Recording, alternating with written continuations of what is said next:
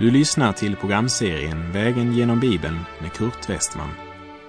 Programmet produceras av Norea Radio Sverige. Vi befinner oss nu i profeten Habakuks bok. Slå gärna upp din bibel och följ med. På vår vandring Vägen genom Bibeln så har vi nu kommit till profeten Habakuks bok. Vi har just avslutat vandringen genom profeten Nahums bok och Nahum, Habakuk och Sefanja. De har en hel del gemensamt som du säkert kommer att upptäcka. Var och en av dessa profetskrifter visar oss tre olika sätt på vilket Gud tar itu med mänskligheten. Det visar oss att Guds ledning och omsorg är invävd i historien. Också där vi inte alls tyckte oss kunna se Gud överhuvudtaget. Och det säger oss också att Gud griper in i den enskilda människans liv. En annan likhet det är att alla tre stod fram vid ungefär samma tid. Ja, de kan faktiskt ha varit samtida profeter alla tre. Det är möjligt, utan att jag vill fastslå det för bastant. För det är ju flera av Gamla testamentets profeter och profetskrifter som är svåra att stadfästa med den helt exakta tiden. Och orsaken är ju därför att det inte är nödvändigt. Vad vi i alla fall vet det är att alla tre profeterna passar in på perioden mellan kung Josias och kung Jojakim som också är den tid under vilken Jeremia verkade. Folket i Nordriket hade redan förts bort i fångenskap och Sydriket står vid randen av att intas av fienden. Efter Josia så var alla kungarna i Sydriket Guds frånvända och dåliga kungar. Och Nahum, Habakuk och Sefanja passar in i den tidsepoken av avfall och nedgång. Men samtidigt som det finns likheter så finns det markanta skillnader mellan dessa tre profeter. Nahums budskap gällde endast Nineve, huvudstaden i det assyriska imperiet. Och hans budskap uppenbarade att Herren var rättfärdig, rättvis och kärleksfull samtidigt som han är en helig Gud som dömer synden och ondskan. Gud handlade rätt när han dömde Nineve. Habakuk närmar sig problemet från en lite annorlunda vinkel. Han är en man som bär på frågor. Han är frustrerad och kan inte förstå den likgiltighet som Habakuk tycker Gud har inför sitt eget folk. Han upplever det som orättvist. Därför frågar Habakuk, varför gör du ingenting, Gud? Och vår tid är ju full av människor som känner det som Habakuk. De frågar, varför griper inte Gud in? Varför stoppar han inte ondskan och orättfärdigheten? Hur kan Gud tillåta så mycket lidande och orättvisa? Gud svarar Habakuk genom att berätta för honom att Gud förberedde en nation, Babylon, för att straffa Juda och föra bort dem i fångenskap om de inte vände om. Har Habakuk varit undrande tidigare så blir han ännu mer förvirrad nu. Han har bett Gud om hjälp i all sin nöd och Gud svarar att han ska uppväcka en stark fiende som ska hånskratta åt alla försvarsmurar Juda har byggt upp. Nu har Habakuk verkligen problem. Habakuk undrar, varför ska du använda Babylon? En nation som mer än någon annan gett sig hän åt avgudsdyrkan, ondska, omoral och brutalitet mer än Juda någonsin gjort. Men Gud uppenbarar att han inte var färdig med Babylon. Han skulle nog ställa dem till svars för sina synder. Även Babylon skulle konfronteras med sina onda gärningar. Även Babylon skulle dömas när Herrens timme kom. Det är Guds metod. Habakuks bok är en central och viktig bok för budskapet i tre centrala läroskrifter i det Nya testamentet, nämligen Romarbrevet, Galaterbrevet och Hebreerbrevet, som alla refererar till just profeten Habakuk.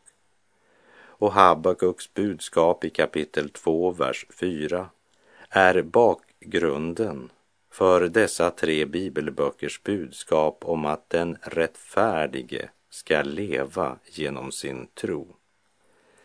Så även Habakuk står centralt när det gäller frälsningens budskap och kunskapen om Gud.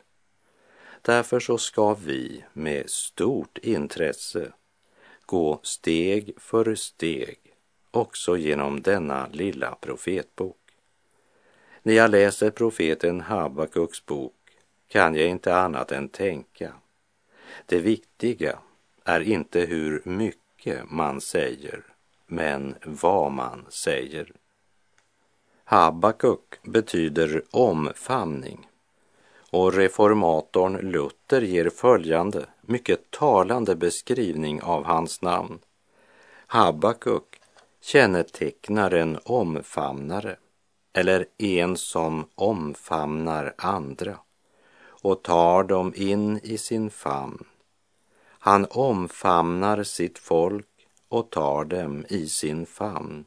Han tröstar dem och håller dem uppe som en som omfamnar ett gråtande barn för att tysta det med hjälp av vissheten om att om Gud vill skall det snart bli bättre. Habakuk säger ingenting om sig själv, sitt liv eller sin bakgrund. Inte heller något om den tid i vilken han levde och verkade. Jag kallar honom för Gamla testamentets tvivlare eftersom han var så full av frågetecken. Likt Jona berättade Habakuk om sin personliga erfarenhet av livet tillsammans med Gud. Habakuk berättar om sina erfarenheter med Gud, sina frågor och Guds svar. Och Habakuks frågetecken följer oss vers efter vers. Helt tills han i kapitel 3, vers 13 förkunnar Du drar ut för att frälsa ditt folk för att frälsa din smorde. Och i de två sista verserna formligen utbrister han. Men jag vill jubla i Herren och glädja mig i min frälsningsgud. Habakuk är en intressant man som har skrivit en underbar bok som visar att Gud kan tända ett ljus i den mörkaste natt det visar också att hjälpen ofta kommer på ett sådant sätt att det börjar med att det blir mörkare. Och bokens avslutningsord för sångmästaren med mitt stränga spel talar om för oss att den sista delen av kapitel 3 är en sång. Ja, om någon sång ska kallas lovsång så måste det vara den sista delen av Habakuk kapitel 3. Det är en bok som börjar i ett dystert dunkel där de många frågorna lägger sig som mörka moln för solen. Men den avslutas med en frisk vind ifrån evighetens värld i strålande ljus. Boken börjar med ett frågetecken och slutar med ett utropstecken. Profeten Habakuks rop är ett enda stort varför. Varför Gud tillåter det onda, det är väl en fråga som varje tänkande människa har konfronterats med. Och det är min bön att vi genom profeten Habakuks bok skulle i alla fall få ana något av svaret.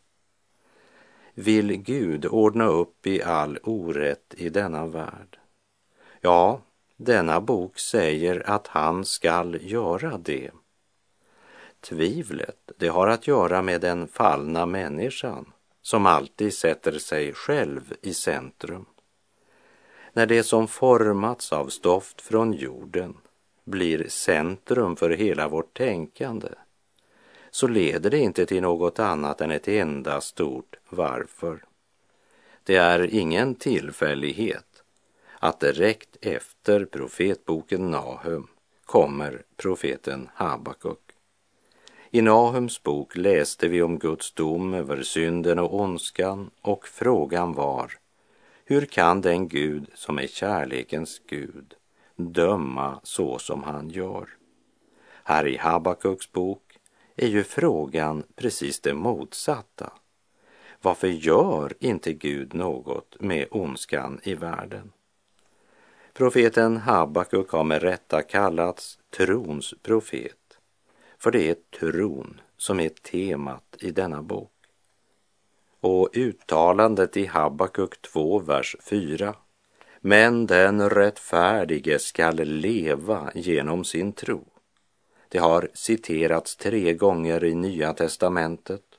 Romarbrevet 1.17, Galaterbrevet 3.11 och Hebreerbrevet 10, vers 38.